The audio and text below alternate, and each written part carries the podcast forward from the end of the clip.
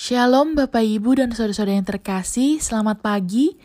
Pada pagi hari ini kita sungguh mengucap syukur karena kita boleh bangun dengan perasaan sukacita dan tetap berada di bawah kasih setiap penyertaan Tuhan. Dan pada pagi hari ini kita akan bersama-sama bersekutu kembali di dalam renungan pagi GKI Coyudan Rabu 26 Mei 2021. Kita akan bersama-sama merenungkan firman Tuhan yang terambil dari Yeskiel 37 ayat 1 sampai 14 dengan tema kehadiran yang memberi kehidupan.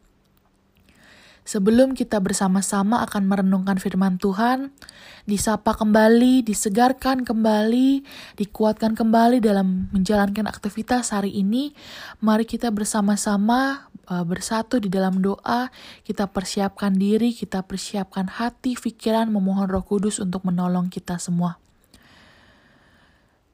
Ya Tuhan kami yang sangat baik, yang kasih setianya melingkupi kehidupan kami, yang tidak pernah meninggalkan kami sedetik pun. Kami mengucap syukur untuk setiap kesempatan yang Tuhan berikan di dalam kehidupan kami. Kami mengucap syukur untuk setiap penyertaan Tuhan di dalam kehidupan kami, untuk setiap pertolongan Tuhan yang Tuhan berikan kepada kami, terkhususnya pada istirahat kami tadi malam, dan di mana kami boleh bangun pada pagi hari ini dengan perasaan yang baik, perasaan yang utuh, penuh sukacita, dan penuh syukur. Jikalau pada saat ini kami akan bersama-sama merenungkan firman Tuhan, biarlah kiranya firman-Mu ini boleh menyapa hati kami, boleh menyegarkan kehidupan kami, menguatkan kami dalam kami menjalankan aktivitas pada hari ini. Dan biarlah kiranya roh kudus-Mu yang boleh menolong kami, menuntun kami, sehingga apa pun yang kami kerjakan itu adalah seturut karena kehendak Tuhan. Biarlah kami boleh semakin mengerti dan juga menjadi pelaku firman Tuhan. Terima kasih ya Tuhan. Amin. Bapak Ibu dan saudara yang terkasih, saya akan membacakan Yeskiel 37 ayatnya yang ke-14 untuk kita semua. Aku akan memberikan rohku ke dalammu, sehingga kamu hidup kembali, dan aku akan membiarkan kamu tinggal di tanahmu. Dan kamu akan mengetahui bahwa aku Tuhan yang mengatakannya dan membuatnya. Demikianlah firman Tuhan. Bapak, Ibu, dan saudari, pernahkah kita merasa putus asa di dalam kehidupan kita?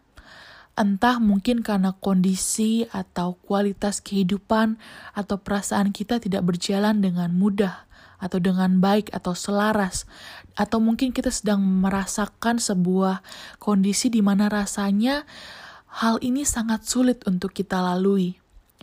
Perasaan dan kondisi yang kadang berjalan tak seirama juga terkadang membuat kita seakan kehilangan arah, kehilangan semangat dan harapan hidup.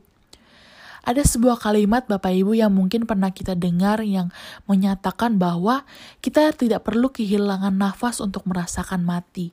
Cukup hapuslah kata pengharapan dalam kamus kehidupan kita untuk merasakan kematian.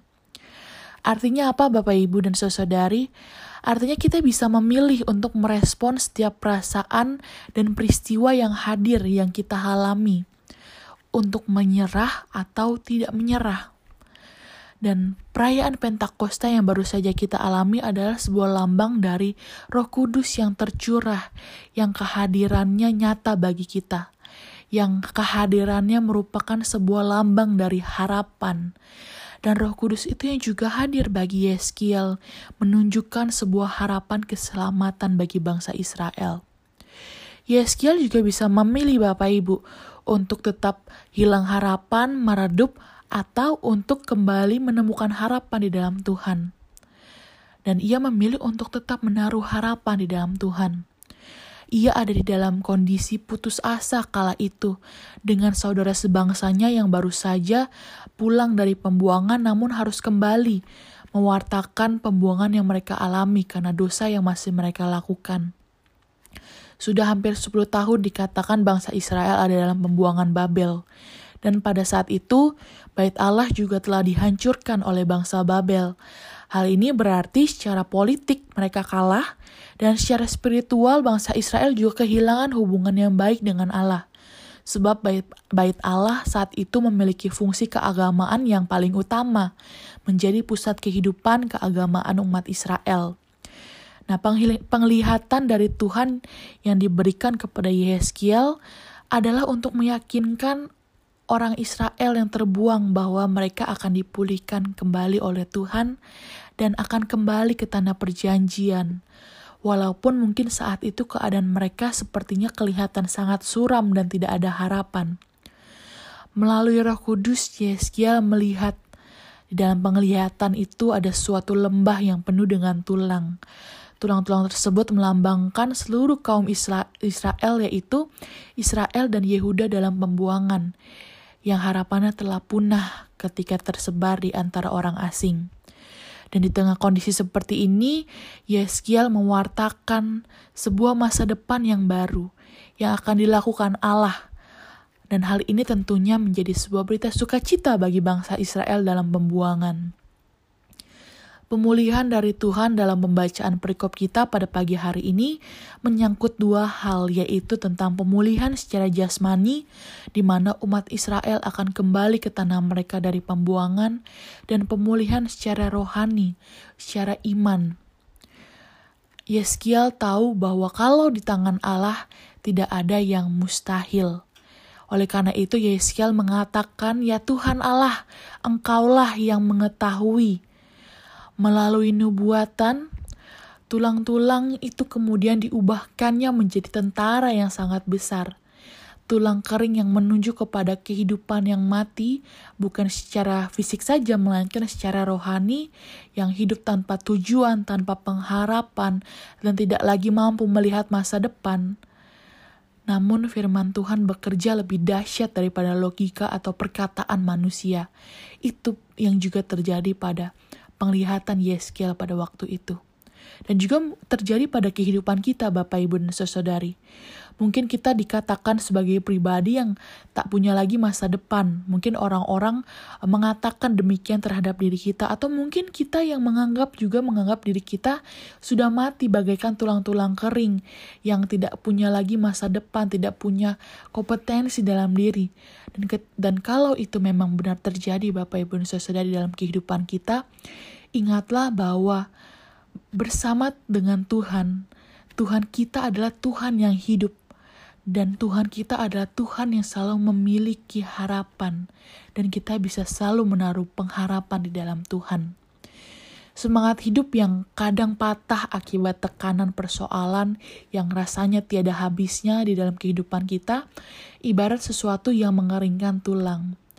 Tetapi Bapak Ibu dan Saudari, kalau Tuhan ingin memulihkan keadaan seseorang, maka dia dapat melakukannya di mana pun dan dalam keadaan separah apa pun.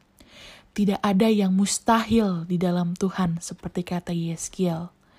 Oleh karena itu, Bapak Ibu, mari kita bukalah diri kita, mintalah Roh Kudus untuk hadir menghidupi, menghidupi kembali tulang-tulang kita yang sudah kering akibat semangat hidup yang kadangkala dipatahkan oleh kondisi kehidupan karena kehadirannya sungguh memberi sebuah kehidupan baru yang penuh harapan dan keselamatan.